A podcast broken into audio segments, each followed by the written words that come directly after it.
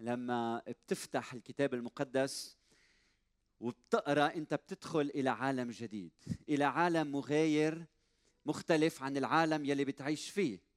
لما بتفتح الكتاب المقدس لتقرأ أنت تختار عالم جديد. وأنت عم بتقول أنا لا انتمي إلى هذا العالم الشرير البعيد عن الله.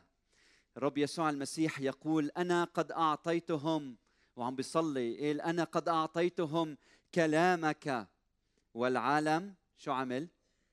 أبغضهم لأنهم ليسوا من العالم كما أني أنا لست من العالم. فأهلا وسهلا فيك في عالم الكتاب المقدس. لما بتفتح الكلمة أنت بتدخل في عالم جديد عالم صنعه الله. مجتمع كاتب سفر التكوين مجتمع بيؤمن بتعدد الآلهة. لكن لما بتفتح الكتاب المقدس أول آية بتقراها في البدء خلق الله السماوات والأرض. تدخل إلى عالم جديد صنع الله. عظة الأسبوع الماضي عظة مهمة بشجعك إنك تسمعها إذا ما سمعتها لأنه نحن هلأ أنا عم أقدم العظة الثانية ضمن سلسلة عظات حول سفر التكوين. فأرجو أنك تسمعها إذا ما سمعتها. واليوم بدي لخص باختصار وبعدين بدي أدخل في موضوعي. الأسبوع الماضي حكيت عن الآية الأولى في البدء خلق الله السماوات والأرض وأخذت هيدي الآية وفسرتها فسرتها في سياقها. درست معنى الكلمات علاقة الجملة بما بعدها. آه، درست النوع الأدب المستخدم. جربت أفهم هم الكاتب الأول والقصد من كتابة الفصل الأول. وأنا وعم أقدم هذا الموضوع أشرت بطريقة غير مباشرة إلى الهموم الكنسية الموجودة اليوم.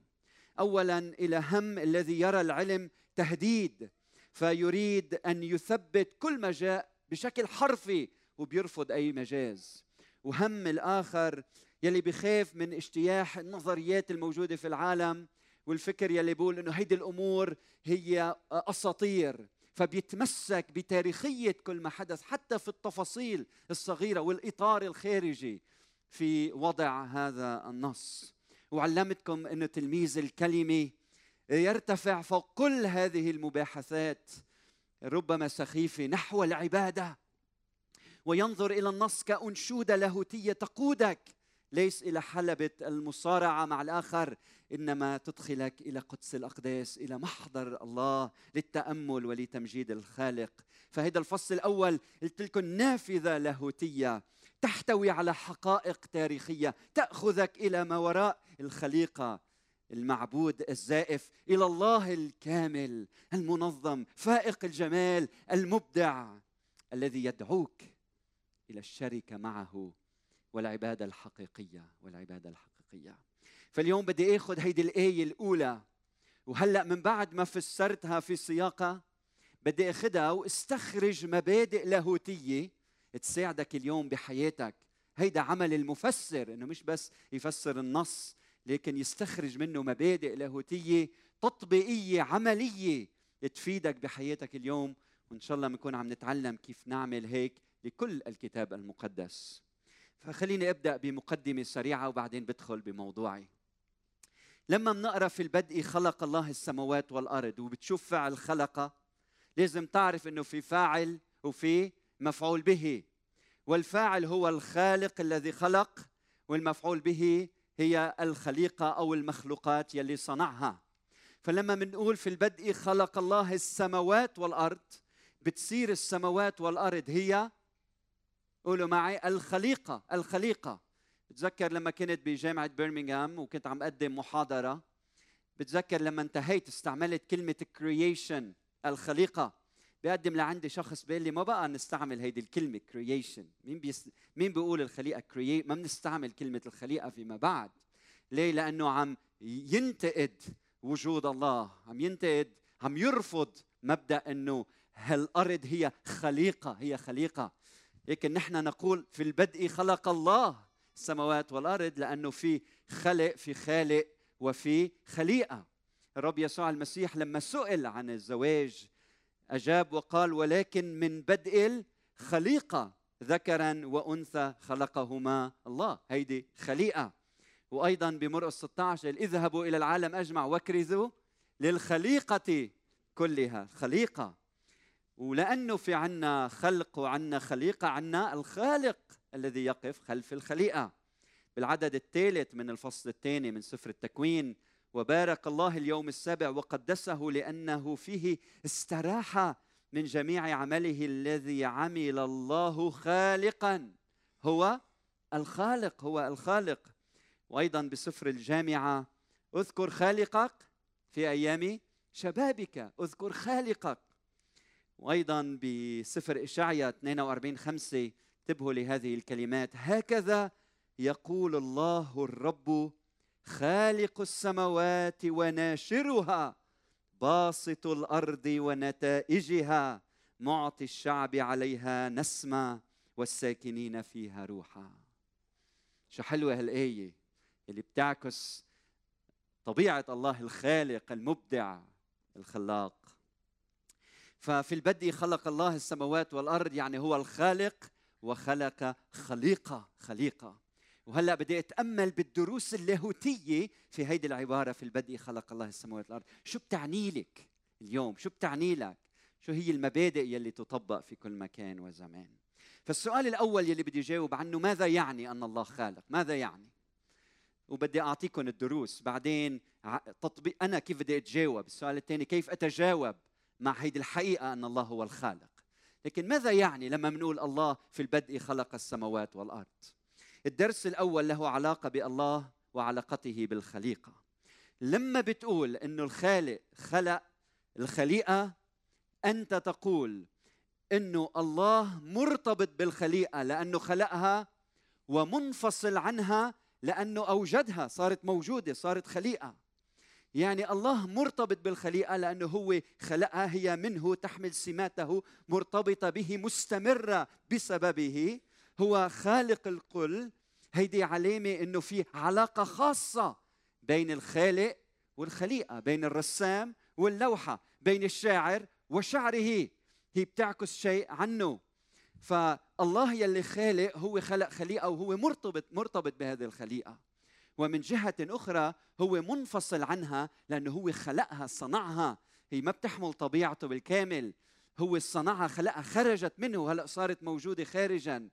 إذا بدي ألخص لكم فصل كامل من واحد من الكتب يلي قريتها. الله الذي سبب وجود الخليقة الله الذي سبب وجودها آه، يتركها أو يسمح لها الله الذي سبب وجود وجود الخليقة الكلمة اللي عم فتش عليها يدعها توجد.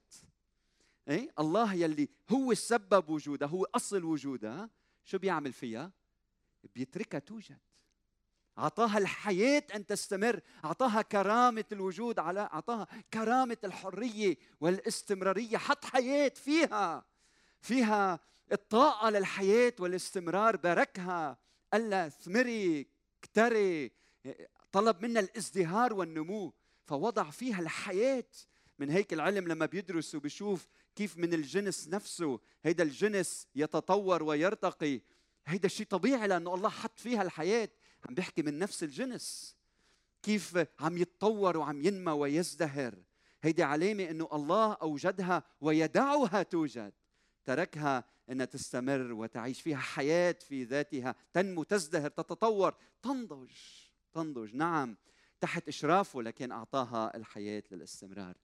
باختصار الله قريب من الخليقة لأنه أمين والله منفصل عن الخليقة لأنه يجسد الحرية. لما خلقها أعطاها الحرية لكي تستمر.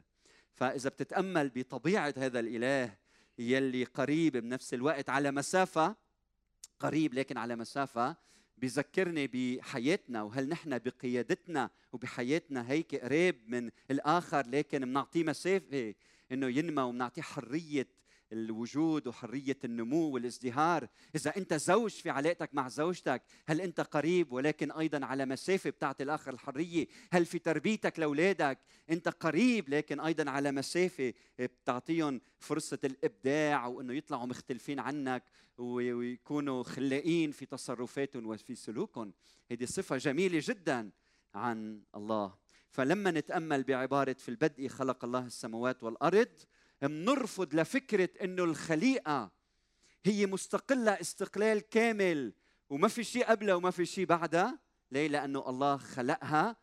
يعني المفهوم يلي بنسميه مذهب المادة ماتيرياليزم بالإنجليزي نتصدى له هذا الشيء مرفوض لأنه في الله يلي خلق الخليقة.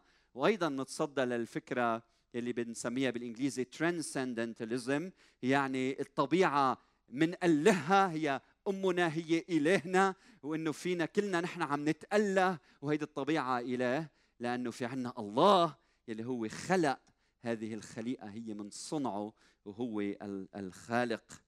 فهيدا الدرس كثير مهم لحياتنا اليومية في البدء خلق الله السماوات والأرض. يا ريت عندي وقت أدخل بالتفاصيل. لما أتأمل بأنهار لبنان وشواطئ لبنان والمناخ اللي عايشينه والوسخ الموجود في في بلادنا بنسأل سؤال هل أنا وكيل صالح على خليقة الله؟ ما الله يلي خلق السماء والأرض وكلني بهيدي الأرض. هل أنا عم بهتم؟ ويا ريت بكنيستنا الله بيقيم مجموعة تهتم بهيدي الأمور لأنه هيدي مسؤوليتنا التلوث وكل شيء عم بيصير ببلادنا. دور الكنيسة إنه يكون عندها صوت نبوي في يلي عم بيصير من حولنا. نعم الله مرتبط بالخليقة ومنفصل عنها. الدرس الثاني هو له علاقه بألله وغاية الخليقة. لما بتقول في البدء خلق الله هيدا الإله المبدع الخلاق مهندس هيدا الكون لما خلق عنده غاية من الخليقة عنده هدف للخليقة. فما خلقها مش من وجدت بطريقة اعتباطية. في البدء خلق الله لقصد لا يمكن اكتشاف المعنى الأسمى للخليقة من دون الخالق يلي خلقها. فإذا أنت بدك تعرف شو غاية الخليقة بدك تسأل الخالق إذا بدك تعرف شو غاية الكتاب بدك تسأل المؤلف الكتاب. فالله يلي خلق بنجي لعنده بنقول له شو الغاية يا رب؟ شو القصد؟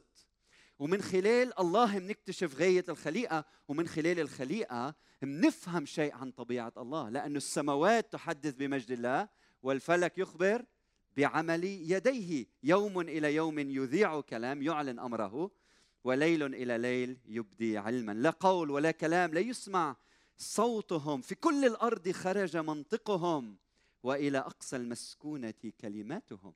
ترجمة ثانية بل في الأرض كلها سطور بارزة وكلمات إلى أقصى الدنيا أقاصي الدنيا بينة بينة.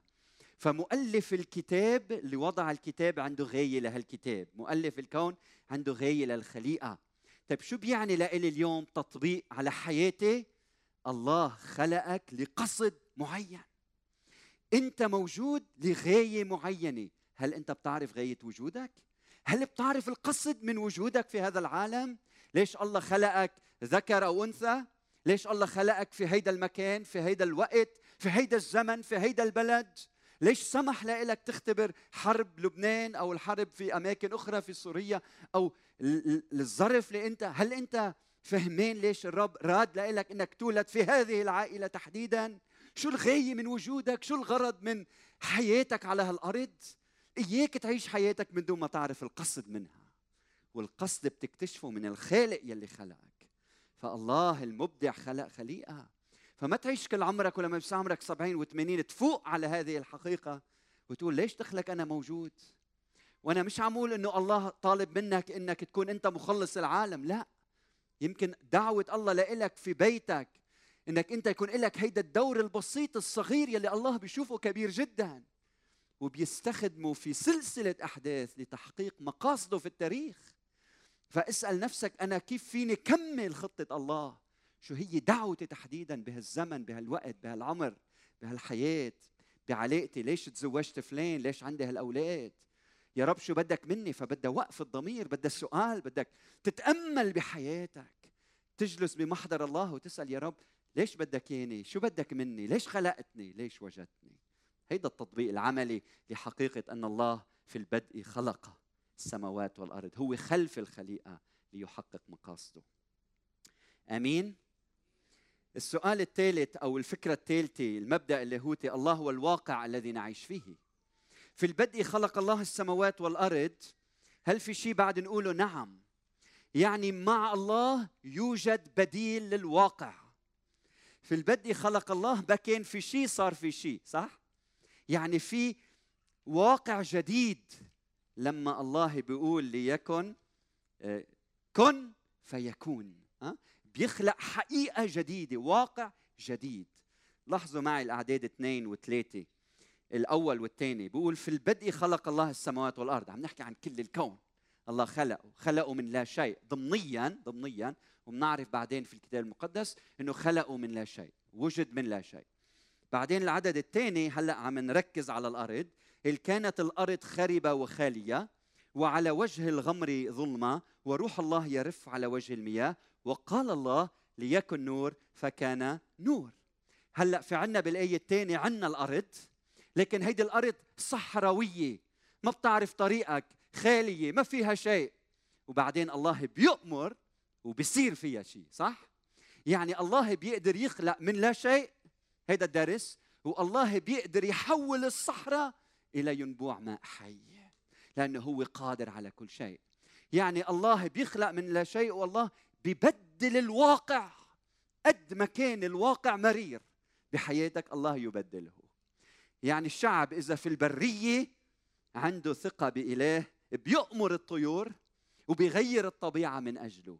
ومن الأرض ومن الصخر بيطلع الحياة وبيطلع المياه ويشبع الإنسان. يعني كيف ما كانت ظروفنا عندنا إيمان بإله أعظم من ظروفنا. عايش ببلاد اقتصادها صفر. السياسيين البعض منهم أو عدد كبير منهم عم يمتصوا عم يشربوا دم البشر الشعب. بتشوف الوضع البلاد كله الفساد كل شيء عم بيصير من حول منا بتقول شو عم بيصير؟ خربة خالية. لكن نحن في انتظار قول الرب كن ليكن نور فكان نور. عندنا هالإيمان العظيم بهيدا الإله يلي خلق السماء والأرض من لا شيء وأيضا بحول الواقع ويزدهر تزدهر الصحراء بسببه. فإذا أنت اليوم تطبيق على حياتك إذا أنت في جب الأسود الله يغير الواقع. إذا أنت في أتون النار الله قادر إنه يبدل الواقع في بديل الواقع. إذا أنت إذا فرغ الخمر في بديل الواقع. إذا زانية يجب أن ترجم في علاج للواقع. إذا رجل أعمال مثل زكا فاسد في تغيير للواقع لأنه إلهنا حي. إذا لص على الصليب في بديل للواقع. إذا بولس بالسجن في بديل للواقع. إذا إمبراطورية عظيمة في ملكوت الله. إذا كنيسة مضطهدة في سفر الرؤيا. في بديل للواقع. شو الظرف يلي أنت عايش فيه اليوم؟ يأس ألم وجع غربة في بديل للواقع. لأنه إلهنا خلق السماء والأرض ولما كانت الأرض خربة وخالية قال ليكن نور فكان نور. آمين؟ هيدا إيماننا.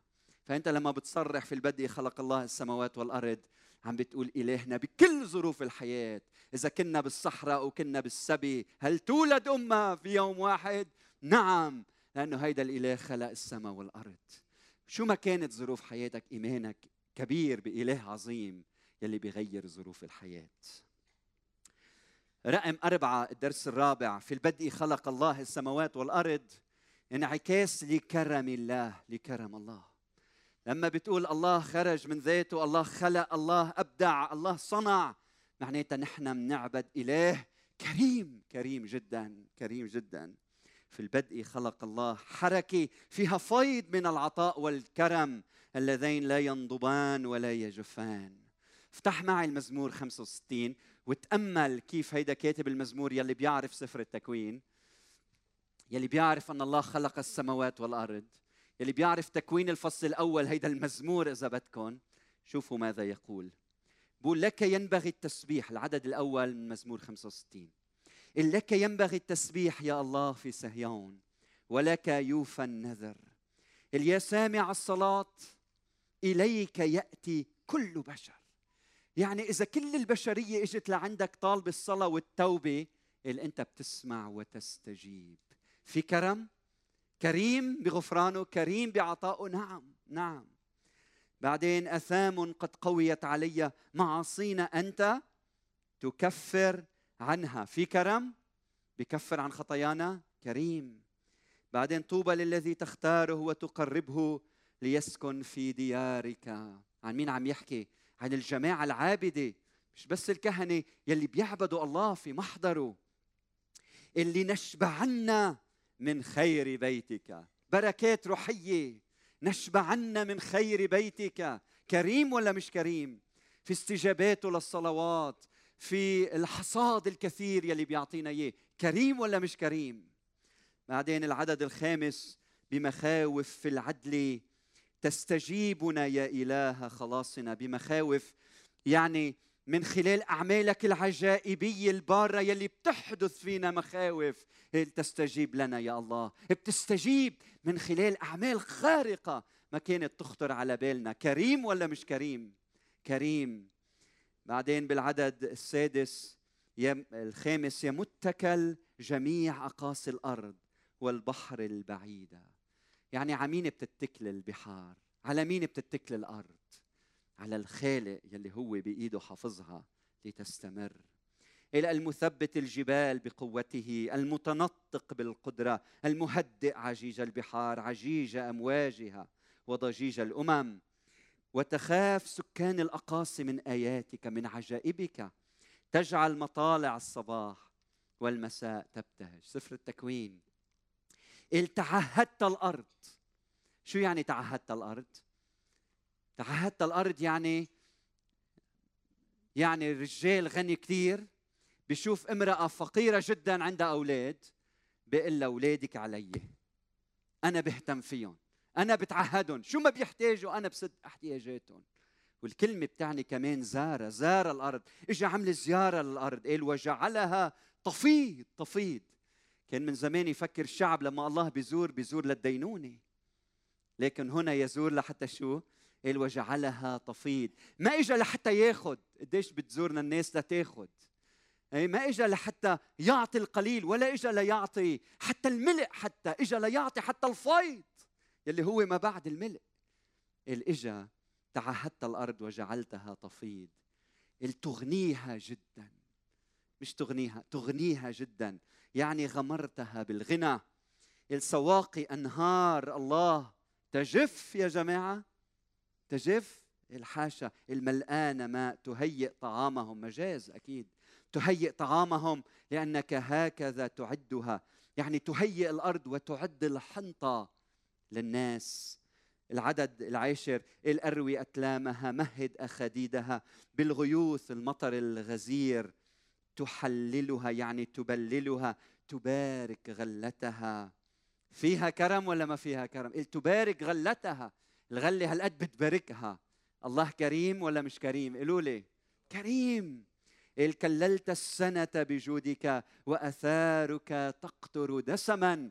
وسبق وشرحناه هذا النص. تقطر أثامك تقطر دسما. أثارك تقطر دسما. كانوا من زمان الجيوش لما بتدخل أثار المراكب خرف منهم أو المركبات كانوا يفوتوا يدخلوا ياكلوا الأخضر واليابس يسبوا النساء ياخذوا الممتلكات. أنت أيها الملك لما بتدخل اثارك تقطر دسما. هللويا. تقطر دسما. تقطر مراعي البرية. فيض. من العسل والدسم وتتنطق الآكام بالبهجة. اللي اكتست المروج غنما مش وحدة واثنين اكتست المروج غنما. والأودية تتعطف مثل المعطف عم تلبسه برا يعني حنطة. تهتف وأيضا تغني. قدام هذا الفيض من كرم الله. فينا ما نتجاوب معه؟ فينا ما نجي لعنده؟ فينا ما نحبه؟ فينا ما نقدم له السجود والعبادة؟ هل اليوم عم تختبر كرم الله؟ لما الله بيقول لك في لما الكتاب المقدس يقول لك في البدء خلق الله السماوات والأرض يعني عد البركات بحياتك. عد شو في أمور الله وضعها بحياتك للبركة. هل بتعدها؟ هل بتعرفها؟ الله كريم مع الإنسان. كريم جدا. فكر بنسمة الحياة. فكر إنه ولا مرة انت جعت أو عطشت. انه عندك إله بيهتم فيك وبيعطيك حاجتك كل يوم. مش شو بدك بس شو بتحتاج لإله. هو كريم كريم جدا. فكر بالعلاقات فكر بالكنيسة اللي حطها بين إيديك. فكر بالصحة اللي أعطاك إياها. فكر بالقوة فكر بالأيام يلي اللي مرت عليك وقديش كان الله إيده معك واعتنى فيك وحماك من الحرب والموت. إلهنا معنا. إله يهتم فينا. إله كريم كريم. وهلأ بنجي لنسأل السؤال الثاني. كيف منتجاوب نحن مع يلي سمعني؟ كيف منتجاوب مع هالحقيقة إنه الله خلق السماوات والأرض؟ جاهزين كيف بدنا نتجاوب؟ اي أول شغلة بالخضوع بالخضوع في البدء خلق الله يعني هو الخالق هو الرب هو السيد. ونحن كيف نتجاوب معه؟ بالخضوع. والخضوع مش المقصود فيها هيدي طاعة مفروضة علينا هي دعوة للخضوع. الله دائما بيدعيك لشيء وبيعطيك الحرية إنك تختار. ومنشوف بالفصول اثنين وثلاثة كيف الإنسان اختار أمر ثاني صح؟ فالله خلقك حر وبيدعيك بيدعيك للخضوع إيه، بيوقف على باب قلبك وبدق ويدعوك إلى الخلاص يدعوك أن تعيش في المحبة يدعوك أن تغفر لأخيك يدعوك أن تتصالح مع الآخر يدعوك أن تعيش حياة لها معنى يدعوك أن تبادر في تشجيع غيرك وبنيان الآخرين. يدعوك إلى الحياة يدعوك أن تعيش بحياة فيها صحة وفيها مسؤولية بيدعيك باستمرار. ودعوة الله إما بتقبلها أو أو ترفضها. القرار بيرجع لإلك. فالخضوع هو دعوة من الله. أنت يلي عم تتأمل بجمال الله وما صنع من أجلك إنك تقبل أو ترفض. مثل لما مثلا ولد من أولادنا بيزعل أمه. بتاخده على هالأوضة بتقعد أنت وياه بتقول له دادي أنت زعلت الماما. فبدي منك هلأ تروح تعتذر منها عم بتعلمه المسؤولية. لكن بتقدم له دعوة وبتتركه وبتفل وبتعطيه حرية الاختيار. ما فيك تاخده بالقوة وتقول له اعتذر من الماما. شو هالاعتذار هيدا؟ منه نابع من قلبه. بتعلمه الحقيقة بتعلمه بتوجهه وبتتركه هو ياخذ القرار. إما بيقول نعم وبيروح بيعتذر أو بيقول لا وبيتحمل مسؤولية القرار اللي اخذه هيك الله يدعونا. يدعوك إلى العرس. اليوم يدعوك إلى الخلاص ربما. يمكن أنت قاعد إنسان وعم تتأمل بالخليقة وما صنع الله وعم بتقول أنا مش عارف المعنى من وجود حياتي. أنا غرقان بالخطية وشبابي بحياتي. ما عم عيش حياة مقدسة.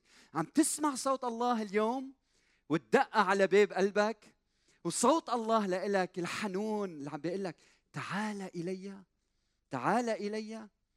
هل بتفتح قلبك اليوم وبتعطي حياتك لإله؟ بطهر خطاياك بيعطيك أن تصبح خليقة جديدة بحول الخراب إلى حياة فيها ازدهار وسلام وفرح. هيدي دعوة لنا جميعا أن نصغي ونستجيب. اثنين منتجاوب أخوتي انتبهوا معي بالتوبة بالتوبة. وهيدا أمر كثير مهم في البدء خلق الله من توب عن ضعف إيماننا. منتوب عن إيماننا بإله ضعيف. في البدء خلق الله السماوات والأرض. منتوب عن قلقنا منتوب عن مخاوفنا. منتوب لأنه عندنا قلق من المستقبل. منتوب عن الوضع اللي نحن عايشين فيه. نتوب.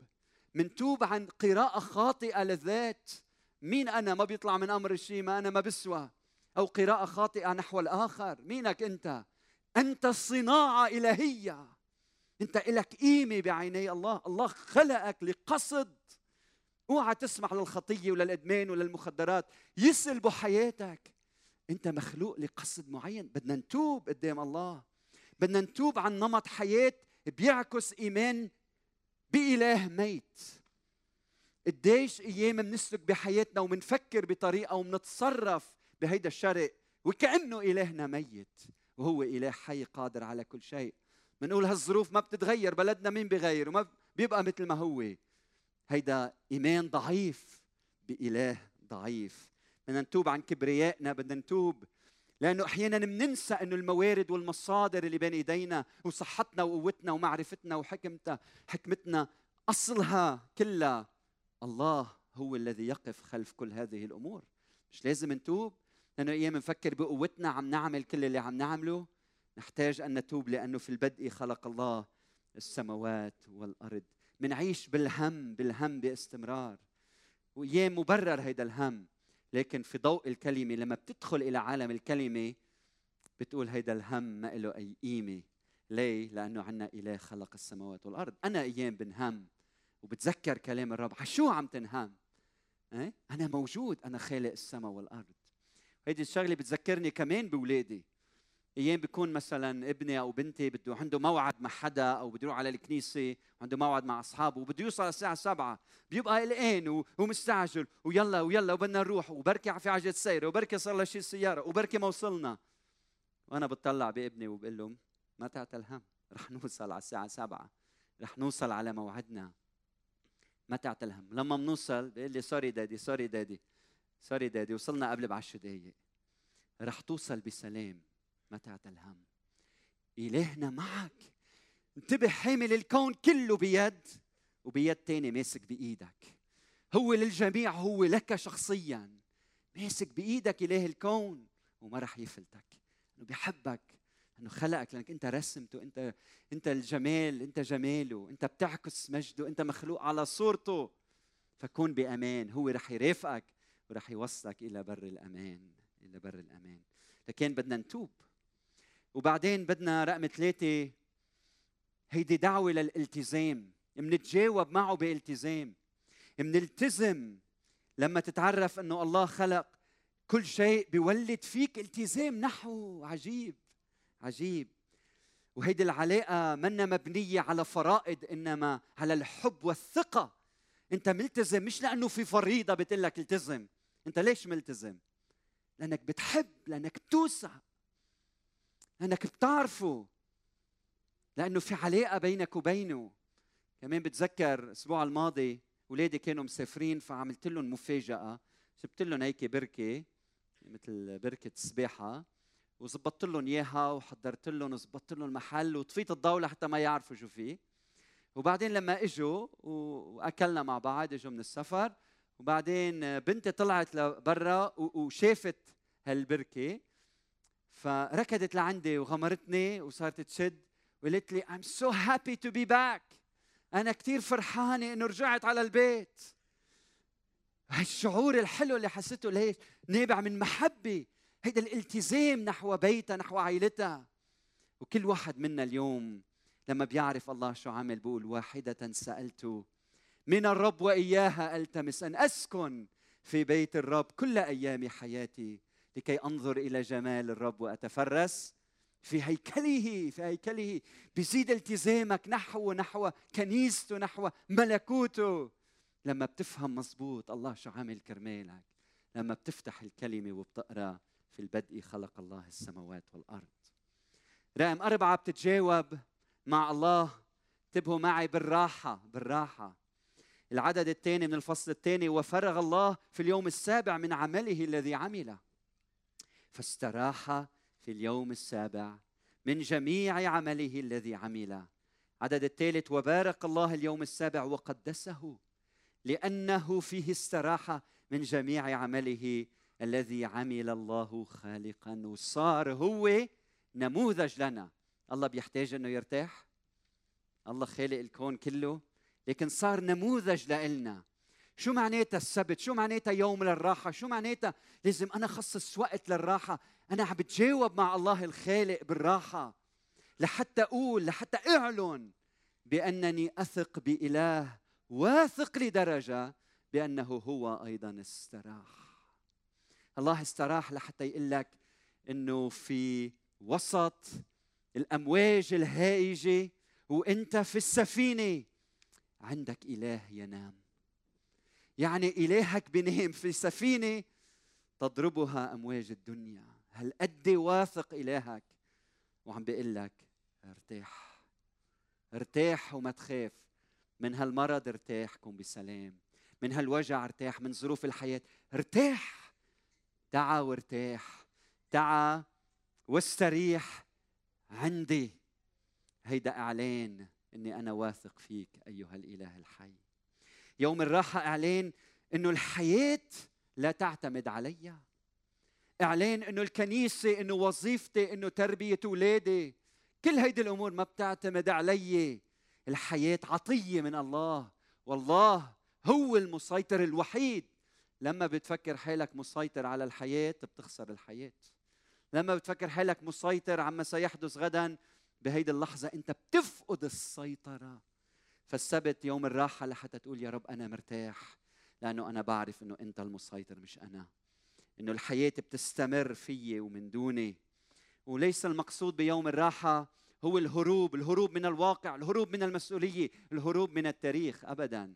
إنما إعلان إعلان اعتراف بانه الله وحده صانع التاريخ. وأنا أشترك معه متى شاء هو متى شاء هو. هو اللي يحدث الأمور هو الصانع التاريخ. السبت إعلان إنه هو رب الكل.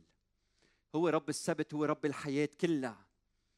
إعلان إنه أنا إنسان لما برتاح أنا عم بتحرر من ذاتي عم بتحرر من كبريائي عم بتحرر من مفهوم خاطئ إني أنا أصنع الأمور. وبشيل كلمة أنا وبحط الله. لأنه السبت أو ال... ال... عند اليهود النهار بيبدأ في المساء. لما انت بتفوت بتنام يبدأ الله بالعمل يبدأ الله في العمل. فاستريح. السبت انت مرتاح اليوم الراحة تبعك. الآخر عم بينافسك الآخر عم بي عم بي من دون كلل ولا ملل عم بيهاجمك. لكن انت وين؟ تستريح. لحتى تقول مع المزمور 27 الرب نوري وخلاصي. ممن أخاف الرب حسن حياتي ممن أرتعب عندما اقترب إلي الأشرار لياكلوا لحمي مضايقي وأعدائي عثروا وسقطوا إن نزل علي جيش لا يخاف قلبي. إن قامت علي حرب ففي ذلك أنا مطمئن. واحدة سألت من الرب وإياها ألتمس أن أسكن في بيت الرب كل أيام حياتي لكي أنظر إلى جمال الرب. وأتفرس في هيكله لأنه يخبئني في مظلته في يوم الشر يسترني بستر خيمته على صخرة يرفعني. مزمور 23 خمسة ترتب قدامي مائدة تجاه مضايقية مسحت بالدهن رأسي. كأسي ريا إنما قولوا معي. خير ورحمة يتبعانني كل أيام حياتي وأسكن في بيت الرب. إلى مدى الأيام. من هنا التجاوب الأخير هو تجاوب العبادة. نتجاوب معه بالعبادة العبادة. الطاعة بتتجسد بالعبادة. بتتجسد بالعبادة. بنتجاوب بفرح وامتنان ليس بثقل الوصية. نحن أولاد هالشرق بنضلنا خايفين من الوصية.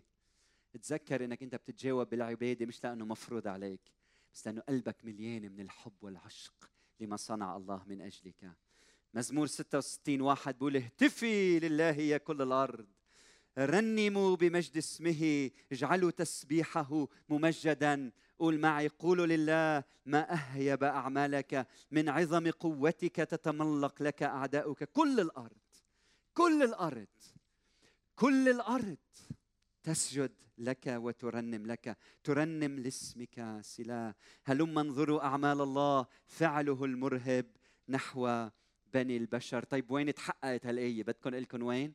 روحوا معي على سفر الرؤيا. فصل خامس الأعداد 11 ل 14 قال ونظرت وسمعت صوت ملائكة كثيرين. بدك تفهم سفر التكوين اقري سفر الرؤيا. ونظرت وسمعت صوت ملائكة كثيرين حول العرش والحيوانات والشيوخ وكان عددهم ربوات ربوات وألوف ألوف. قائلين بصوت عظيم مستحق هو الخروف المذبوح. بنرجع له يوما ما الخروف المذبوح بعد ما وصلنا له. أن يأخذ القدرة والغنى والحكمة والقوة والكرامة والمجد والبركة وكل خليقة مما في السماء وعلى الأرض وتحت الأرض. وما على البحر كل ما فيها سمعتها قائلة للجالس على العرش وللخروف. البركة والكرامة والمجد والسلطان إلى أبد الآبدين. وكانت الحيوانات الأربعة تقول آمين. والشيوخ الأربعة والعشرون خروا وسجدوا خروا وسجدوا. وإذا بدك تفهمها للحي إلى أبد الآبدين. فعل الإيمان قانون الإيمان يبدأ في نؤمن بإله واحد آب ضابط خالق السماوات والأرض. كل ما يرى وما لا يرى. هيدا التصريح الاعتراف. هو فعل عبادة اعتراف إيمان. هو فعل عبادة. فأنا عم بدعيك اليوم للعبادة. مش عبادة نهار الأحد صباحا فقط. إذا أنت ما بتعرف تعبد ست أيام بالجمعة ما فيك تعبد نهار الأحد. إذا أنت ما بتسجد بعملك بشغلك ببيتك بعلاقاتك. ما بتسجد لله انت بتجي لهون سجودك ما له أي قيمة. ما عم بحكي عن نهار بالجمعه عم بحكي عن عبادة قلبية حقيقية. في محاربة الظالم بالمحبة وإنك تكتسبه تكسبه لإلك. وتنصر المظلوم في إنك توقف مع الحق في إنك توقف مع الأرملة في إنك تعمل الخير في إنك تعبد بحياتك اليومية إنك تكون صادق بشغلك صادق بعملك صادق في علاقتك الزوجية صادق في تربيتك لأولادك. هيدي العبادة اللي عم بحكي عنها. لما بتفهم إنه الله خلق كل شيء ويريدك أيها الإنسان وعنده غاية من حياتك بتتوجه نحوه في العبادة الحقيقية يلي هي 24 كل كل كل النهار. حتى في يوم راحتك. سبعة أيام في الأسبوع. اليوم عندي إنجيل لإلكم. في البدء خلق الله السماوات والأرض. هللويا.